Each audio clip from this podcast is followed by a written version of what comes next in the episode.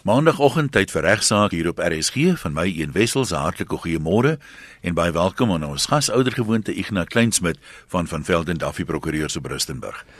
Goeiemôre Ian, goeiemôre luisteraars. Eh, ek hoop die verkeer is nie weer vandag so erg as dit in Johannesburg is nie. Ian is dan rof geweest vanoggend om hierdie ja, atelier te kom. Ja, een robot wat nie werk nie, sit jou maklik uur terug, ja. né? Maar vanoggend uh, vir u wat luister, uh, hooplik 'n klompie interessante navrae van luisteraars. Sain Bester sê ook hy geniet ons program baie en ek kry so baie briewe Ian van luisteraars wat groot waardering uitspreek vir ons program. Baie baie dankie daarvoor. Dit uh, is vir my lekker om dit van u te kry en te hoor.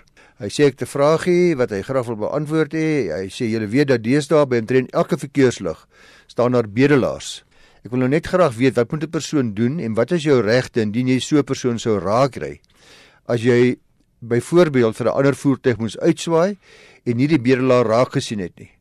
Party van hulle sit soms plat op die grondoppervlak en as ek in 'n 4x4 sit, is dit omtrent onmoontlik om hulle raak te sien ek het 'n soortgelyke skrywe gehad 'n tyd gelede van iemand wat gekla het dat bedelaars of in daai geval vullis deursoekers op sy motor gespring het terwyl hy vullis gaan aflaai het. Ek onthou dit. Ja, en dan praat vir daai vir oor die gepaardgaande risiko's vir hom en vir die persoon wat so onverantwoordelik optree. Nou die antwoord in verband met bedelaars langs die pad is maar baie dieselfde. Naamlik dat 'n motoris moet alle tye sy motorbestuurder bewyse wat nie eens roekeloos of nalatig beskou kan word nie 'n latere bestuur sal wees wanneer jy en ek op ander wyse bestuur as wat die redelike man sou bestuur. Met betrekking tot voetgangers byvoorbeeld, moet ek altyd so ry dat ek 'n behoorlike uitsig hou en dat ek voetgangers behoorlik in aanmerking neem. Telkens sal ek beoordeel word aan die redelike man toets wanneer ek 'n ongeluk maak met 'n voetganger, sal dit natuurlik afhang van die sig op daardie spesifieke tyd, die afstande, die onverwagse optredes van voetgangers, aan die ander wyse noodtoestand, die tyd van die dag, die sigbaarheid ag 'n klomp ander faktore. Met bedelaars is dit presies dieselfde. Hy's maar net 'n ander voetganger. Ek is motoris sien die bedelaar. Ek weet dat hy in die middel van die pad staan. Ek moet 'n aanmerking neem van wat sy normale bewegings is of wat dit kan wees en ek moet so bestuur dat ek 'n botsing met hom sal vermy. Nou uh, hy vra nou wat sou gebeur as jy vir 'n ander voertuig moet uitswaai en nie die bedelaar raak gesien het nie? Die vraag sal natuurlik wees waarom jy moes uitswaai en waarom nie die bedelaar raak gesien het nie en sal in elk geval op eie meriete beoordeel word. Weereens met die redelike man toets en net wel dis 'n objektiewe toets wat as maatstaf gaan dien. Indien die hof byvoorbeeld bevind dat ons almal wat vandag luister, ook in daardie omstandighede sou uitswaai, dat ons ook in daardie omstandighede die boemelaar nie sou sien nie en nie 'n botsing sou kom vermy nie, dan sal die luisteraar onskuldig wees. Indien jy egter bevind word dat jy te vinnig gery het of dat dit redelikerwys moontlik was dat jy die bedelaar moes sien en hom kom vermy het en dat jy opgedree het dis 'n bewyse wat nalatig was, dan sien jy natuurlik skuldig bevind word en kan dit ook strafbare manslag wees indien die bedelaar sterf. Nog 'n goeie voorbeeld waar die hof nog groter versigtigheid van ons almal verwag, van die redelike man verwag, is waar daar kinders langs die pad is as voetgangers. Jy sien byvoorbeeld kinders speel en jy verminder nie spoed nie terwyl die kind reg voor die voertuig inhardloop. Nou die redelike motoris sê ons hoewe by herhaling moet versigtiger wees wanneer kinders in hulle sig is, aangesien dit verwag kan word deur die redelike motoris dat kinders op 'n onverantwoordelike wyse sal optree en nie soos ander volwasse voetgangers sal optree nie. Ons moet dit die eerste verwag van kinders wanneer ons kinders voor in die pad sien. Daarom sal dit dan ook daar by skole of kinderoorgange baie stadiger gery moet word, waar die toets vir die motoris baie strenger word, baie anders aangewend. Nou hy meld onder andere dat hy 'n 4x4 ry en daarom baie moeiliker dalk iets op die pad sal waarneem. Ek dink nie dit sal 'n goeie verweer wees. Jy as bestuurder moet presies optree soos wat jy kan verwag van enige ander bestuurder. En as jy dan nie behoorlik uit jou 4x4 moet sien nie, moet jy maar 'n plan maak om seker te maak dat jy minstens ook die pad oppervlakte soos enige ander redelike bestuurder kan voorsien. Dalk maar 'n kussentjie of twee of wat ook nogal. Weereens uh, is dit 'n geval van moontlike strafbare manslag waar jy hy die bedelaar sou raakry en nie vermydende aksies betyds neem nie. Ja, wat ook lastig is, baie van hierdie ouens het 'n kombers of iets om die skouers nou in die jy weet saans is dit moeilik dit nou as nie reflekterende klere nie is donker en ja. veral as dit reën het ek al gesien jy sien hierdie ouens regtig moeilik raak. Ja, en dit is belangrik uh, een dat uh, die hof sê oor en oor Die hof moenie hier in 'n leunstoel benadering verval nie. En ek sit hier in my hoë stoel ag op 'n regbank in 'n lugverkoelde hofsaal. Ek moet myself gaan plaas in die posisie waarin jy was op daardie dag. Dis donker, die bedelaar het te donker kombers om hom. Uh daar's nie straatligte nie. Dit reën ensovoorts ensovoorts. Nou weer eens sou ek en jy as redelike bestuurders, u almal wat luister, sou ons in daardie omstandighede 'n botsing kon vermy het? Waarskynlik nie. Want die redelike bestuurders sou in daardie omstandighede wat 'n redelike spoed gery het, dalk nie betyds kon stop om hierdie donker figuur in die donker nag sonder ligte wat voor my kar in hardloop sou kon sien nie. So dan sal ek onskuldig bevind word.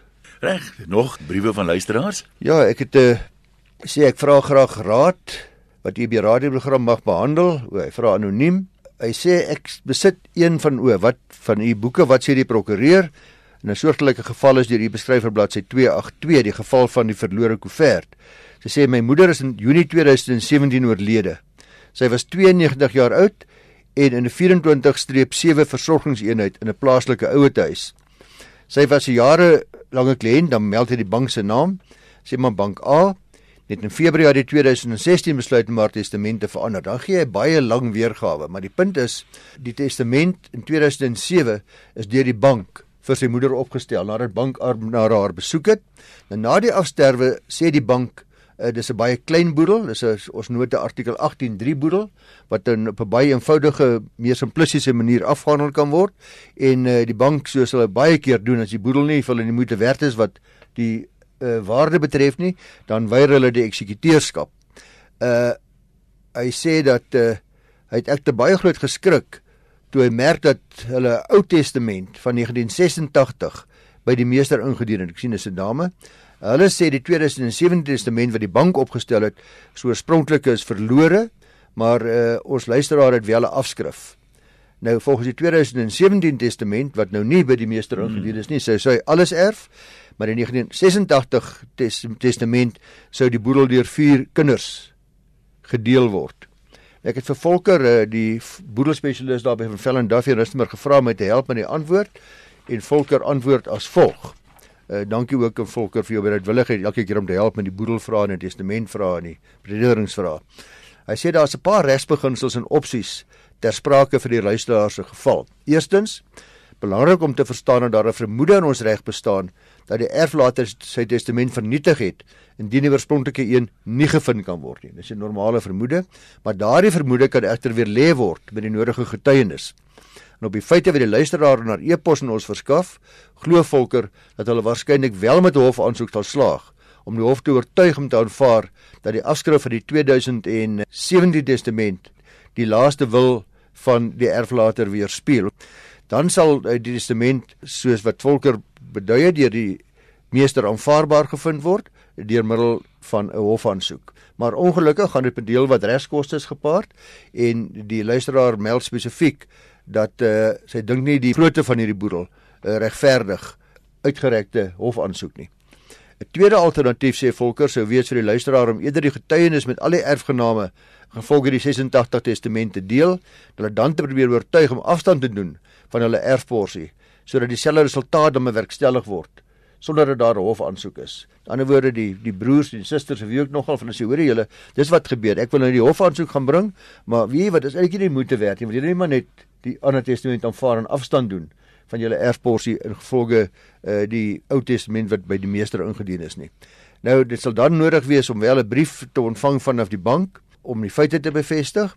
Indien hulle egter versuim om hierdie samewerking te gee, dan kan die luisteraar ook moontlik as alternatief sê Volker 'n eetsverklaring indien waarin die omstandighede uiteengesit word en wat die eksekuteur dan kan gebruik om die erfgename te oortuig om hulle samewerking te gee om afstand te doen. Uh my indruk uit daardie brief is dat die ander erfgename wel bereid sou wees om afstand te doen. Nou die derde en laaste moontlikheid sou wees uh, as daar nou nie samewerking is van die broers of susters nie, sou wees vir die luisteraar om op grond van verryking Aan die ander op die basis van 'n ooreenkoms alternatiefelik te eis vir die kostes en uitgawes wat sy moontlik gehad het en eienaar moeder te versorg. 'n Mens sal egter mooi na die feite moet kyk want sy sê sy het vir die laaste klompie jaar haar moeder versorg, so sy het dalk daardie gelde kan verhaal, maar uh, of daar wel 'n basis so is daarvoor is sal sy maar na die uh, prokureur moet gaan sien om haar te adviseer.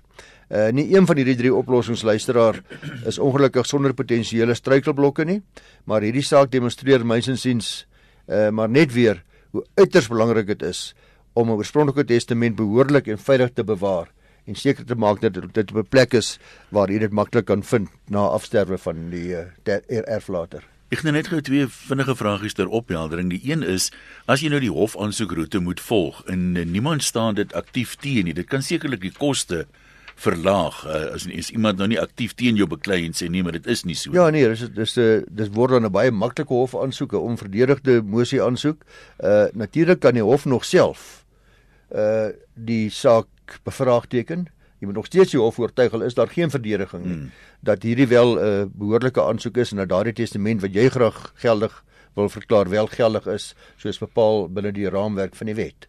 En wat ek ook al gehoor het om sulke gevalle nou te voorkom waar die oorspronklike dokument verlê is of weg is, is dat as jy die testament opstel, dan teken jy twee kopieë as oorspronklik is. Die prokureur hou een in sy kluis en die kliënt kry die ander een. So as een wegraak, dan is daar 'n oorspronklik getekende kopie beskikbaar. Doen dit baie gereeld, een is 'n baie goeie vraag in die sin dat 'n duplikaat oorspronklike is uh, net soveel meer veilig soos jy dit reg opmerk. Ons sal byvoorbeeld by ons firma by Van Velden Duffy sal ons een in ons veilige bewaringskluis hou en die ander vir die kliënt stuur om te sê bewaar ook hierdie veilig op 'n plek waar die erfgename weet waar dit is. Ja, een soos jy bewus is, kry ons baie baie skrywes luisteraars wat bekommerd is oor hulle tyddeelpunte of hulle vakansiepunte en wat kla en wat nie daarvan ontslaak kan raak nie en wat nie die kontrak gekanselleer kry nie. En ek het al uh, by herhaling daaroor 'n bietjie gesels en luisteraars ook verwys uh na Vryheidsfront Helpende Hand wat 'n klomp uh, Suid-Afrikaners verteenwoordig met uh, ook insette by die Nasionale Verbruikerskommissie. Nou die goeie nuus is dat die Nasionale Verbruikerskommissie, die NVK, het vir 3 maande lank openbare sittings gehou en die laaste sittings was op 9 en 10 Oktober, waar 'n kort tydjie gelede hier in Pretoria. En uh, wat die kommissie probeer doen het, Hulle probeer in hierdie sittings het hulle probeer vasstel wat verbruikers kwel met betrekking tot lede van tyddeelvakansies en vakansiepunte. Hulle het na talle talle klagtes geluister en baie getuienis aangehoor en na die sittings gaan uh, die NVK dan voorstelle doen hoe dinge verbeter kan word. Met ander woorde, hoe die wetgewing gewysig kan word en watter oplossings meer prakties sal wees omdat dit duidelik is dat dit 'n probleem is van 'n baie groot omvang. So die luisteraars wat uh, nog steeds vir ons skryf, ek gaan nie weer uh, vir u verwys na iemand toe nie. Ek gaan wag totdat ons uh, hierdie nasionale verbruikerskommissie se komitee se verslag ontvang het. Uh, en dan hoor watter voorstelle tot wysiging hulle het en uh, al wat ek kan doen is om maar vir u te verseker dat ek dink elke moontlike tipe klag wat daar wat mens kan kry, uh, het aandag gekry deur die NVK.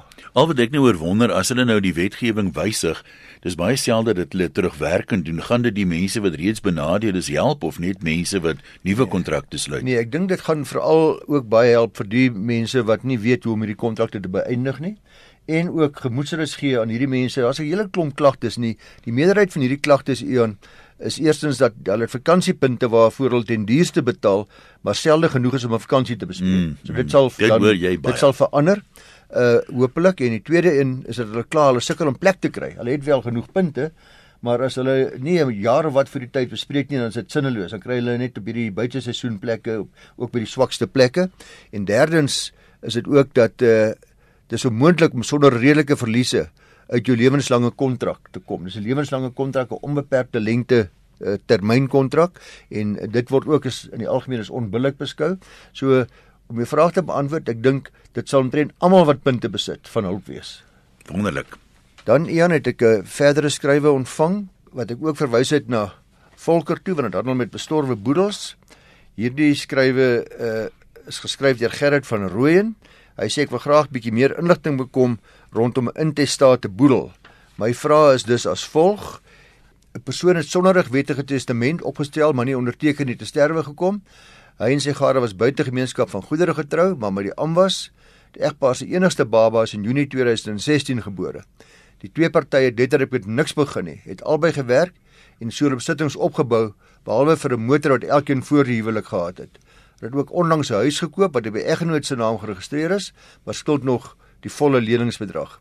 Nou vra hy die vraag: Sou dit beteken dat hoewel daar nie 'n testament is nie, die gade op grond van die aanwasklausule in die huwelikskontrak kan aanspraak maak op die helfte van alles wat hulle bymekaar gemaak het voordat 'n inventaris van die oorledene se boedel opgestel word?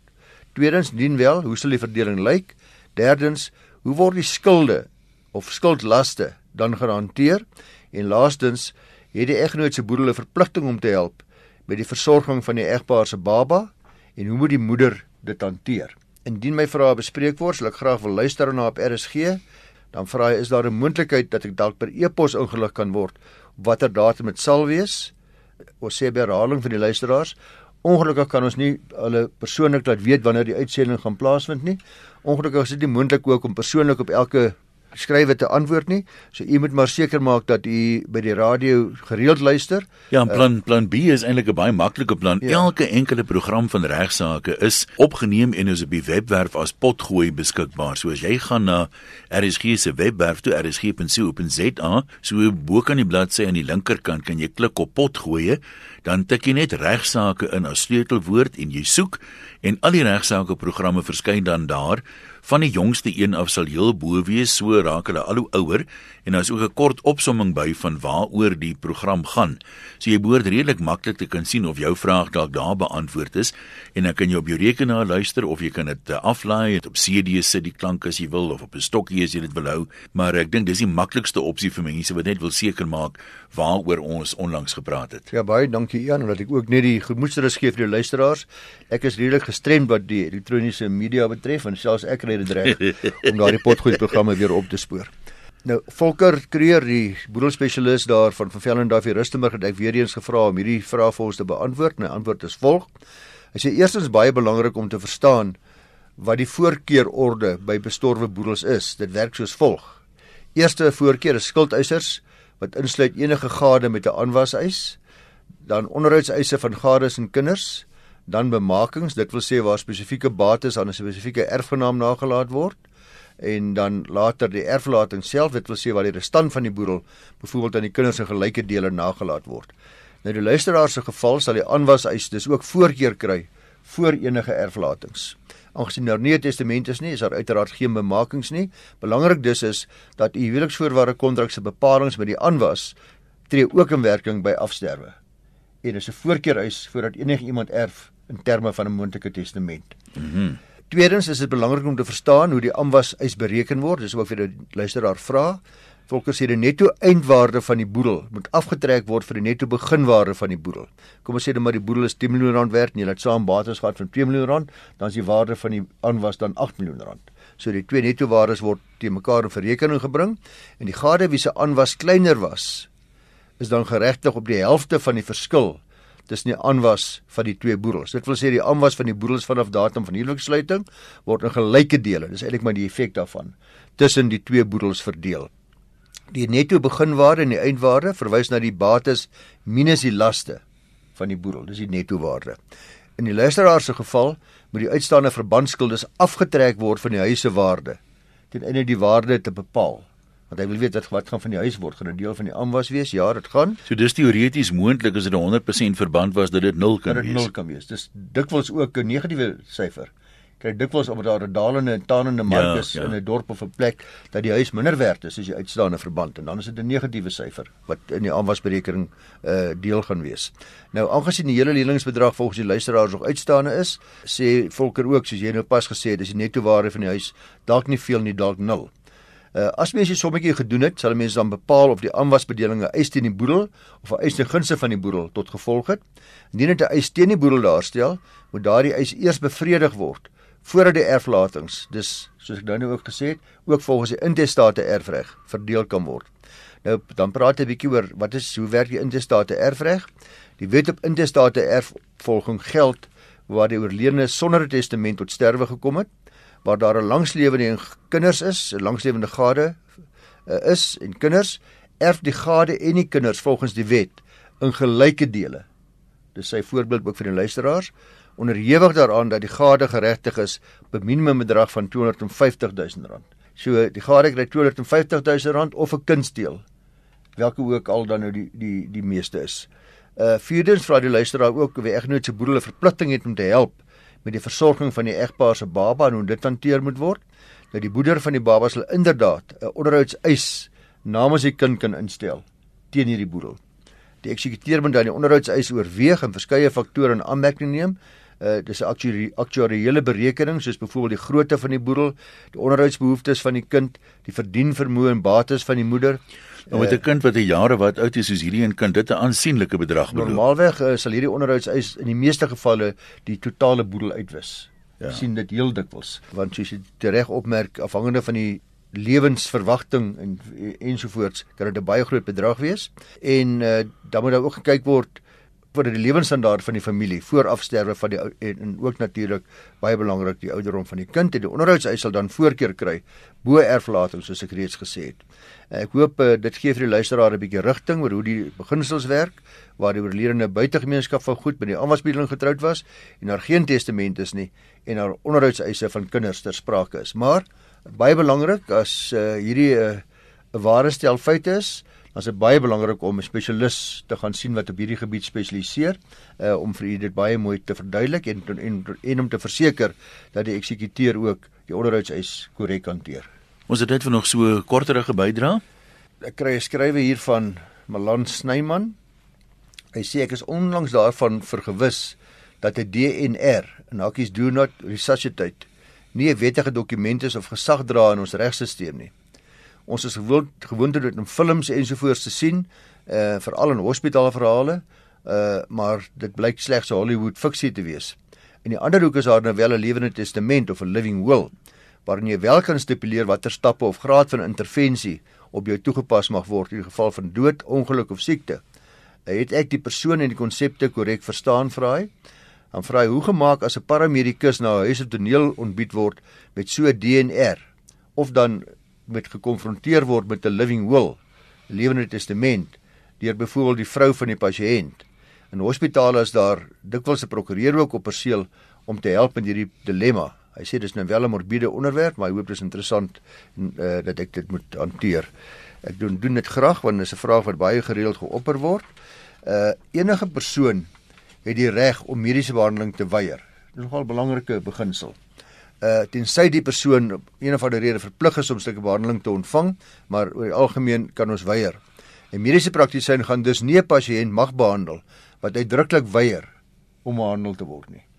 Uh wat gebeur egter waar 'n persoon nie by sy volle bewussyn is nie of uh om watter rede ook al nie in staat is om hierdie wens om nie behandel te word nie oor te dra of bekend te maak en dis sulke gevalle waar 'n lewende testament nou van kardinale belang is. 'n Lewende testament is 'n verklaring of 'n aanwysing waarin 'n pasiënt uitdruklik aandui dat hy weier tot enige mediese behandeling wat hom kunsmatig in die lewe hou ten tye wanneer hy nie meer bevoeg of in staat is om sy eie wense of instruksies uit te druk nie.